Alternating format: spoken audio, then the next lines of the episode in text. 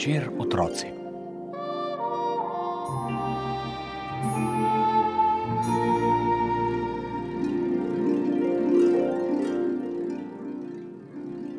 Veverica čopka je mirna žverca. Najraje čepi v svoji duplinici in peče svojo daleč znano orehovo potico ali žirov zavitek ali krhke piškote z borovničevo marmelado, ali pa si preprosto izmišljuje nove recepte. Cele dni je ni na spregled, tako zaposlena je včasih. Tako zaposlena, da ni niti opazila strškov, ki sta si na njenem drevesu spletla gnezdo. Tudi strška sta imela veliko dela. Iskanje in prenašanje vseh tistih vejic, pa zlaganje, popravljanje, lepljenje, preizkušanje. O ne, prav nič lahko ima ni bilo. Sta pa zato potem toliko bolj uživala v zasluženem počitku. Še pernico nama zrahljam, potem pa spat, je rekla Staša Stržek. Oh, medtem bom preizkusil, ali mi je sploh ostalo še kaj sape, je rekel Saško Stržek in se postavil na rob gnezda. Potem se je napel in daleč naokrog je zazvenela njegova pesem.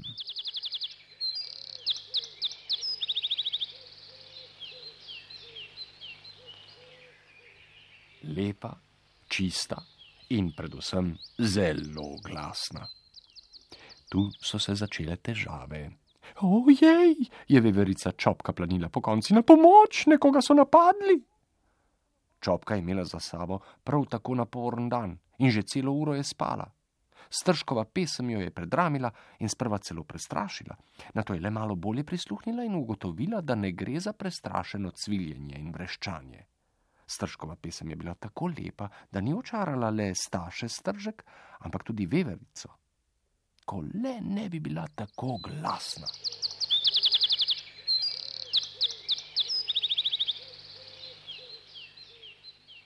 Hej, ti! je čopka prilezla iz dupline in s tačkami oprtimi oboke stopila pred pevca. Ne veš, koliko je ura? Ne, je priznal Saško in me tudi ne zanima. Glavno je, da sem za danes končal delo, od veselja bom še malo zažvižgal. Tako je tudi storil. Veselo, poskočno, kot se za strška brez skrbi tudi spodobi.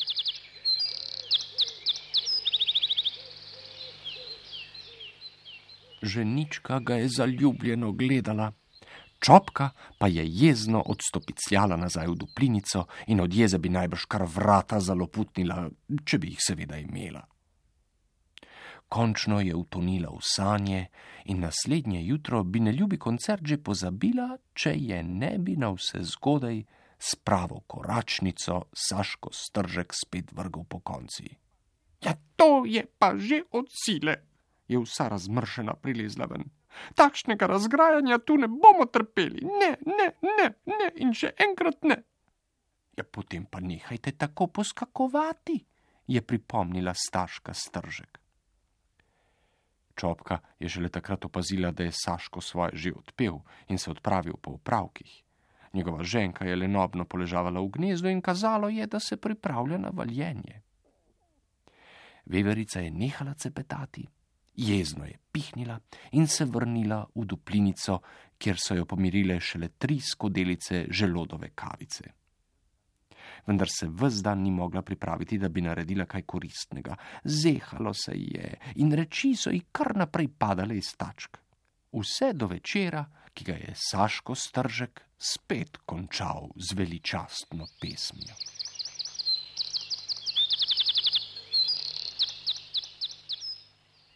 Tako so minevali dnevi, strškovo gnezdo je postajalo vse udobnejše, dobilo je celo balkon z majceno ograjico in staška stržek je znesla tri jajčka. Očka je za vsakega posebej pripravil pravi, pravcati koncert. Čopka je ob glasnih sosedih počasih izgubljala živce.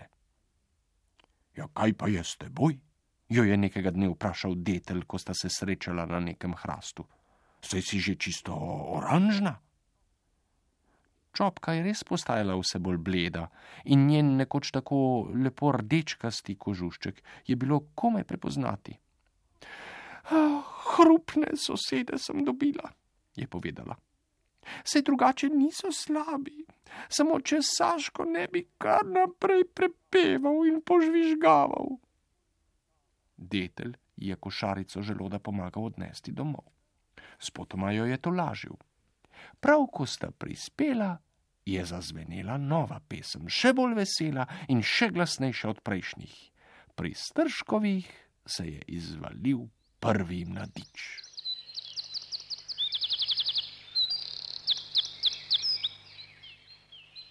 Ni ima preostalo drugega, kot sesti pred duplinico in poslušati nastop do konca. Saškovo petje je privabilo zajčka, hopsa, jasno jazbec z mladički, ježka špikca in celo medveda godrnjavca. Čeprav čopka nad koncertom ni bila navdušena, se je gosto razveselila. Med strškovim požvižgavanjem je poslušalcem postregla z brusničnim sokom in lešnikovimi palčicami. Na koncu, ko je zmanjkalo glasbe in obiskov, ko je že ušla luna in so gost napolnili nočni zvoki, je postala že kar malo žalostna.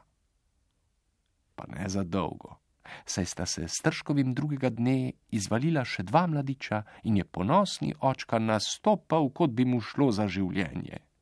Obiskovalcev je bilo vsak večer več in vsi so s seboj prinesli tudi kako darilo: šopek rožic, prgišče okusnih koreninic, slastno jagodo in še in še in še. Čopka je vsakemu postregla s pecivom in pijačo. Tako je bila zaposlena, da je hrup komaj še slišala. Pravzaprav ga je bilo sedaj še več. Številčni obiskovalci in mladički, ki so kar naprej lačno čivkali, so povsem pregnali tišino iz tistega dela gozda. Poglej, čopka, jo je nekega dne pri pripravi pogače zmotil detel. Če si boš čez uhlje poveznila tile lupini, te prepevanje sploh ne bo več motilo. Čopka je radovedno preizkusila na svet. E, kako je? je vprašal detelj. Me slišiš ali ne? Kaj? je rekla čopka. Ali me slišiš? je detelj zelo glasno ponovil. E, žal mi je, je veverica zmajala z glavo, ničesar ne slišim. Potem si je snela lupini in svet se je ponovno napolnil z domačimi zvoki gozda. Ja, še nekaj sem odkril, je rekel detelj. Če si vse stene obložiš z lupinami in iz njih narediš še vrata, ti noben hrup ne bo prišel do živega. Zunaj bo lahko treskala najhujša nevihta, ti pa boš spala kot pauh. Eh, eh, hvala, je rekla čopka, ampak ne, ne, ne, ne, hvala. E, po pravici povedano, sem se na hrup tako navadila, da bi ga najbrž pogrešala. Res sta se ji v zadnjem času vrnila barva na lica in lesk v oči. Strškovo žvižganje je postalo le prijetno ozadje prijaznim obiskom, ki se jih je vedno veselila.